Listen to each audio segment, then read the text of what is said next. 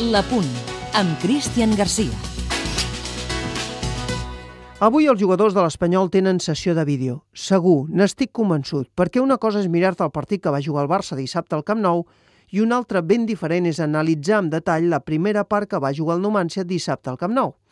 És el mateix partit? No, no és el mateix partit. I clar, Mauricio Pochettino, que afronta el partit de tornada a la Copa amb el 0-0 de l'anada, que és el mateix resultat amb el que lògicament va començar el partit Kresic, voldrà que aquell plantejament tàctic sigui el model a seguir dijous.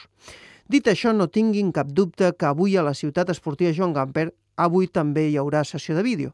Ara bé, per repassar la primera part del partit d'abans d'ahir perquè va costar tant trobar vies d'entrada i passades de perill ofensives que valdrà la pena repassar els primers 45 minuts per buscar on eren els espais que van aparèixer a la segona part.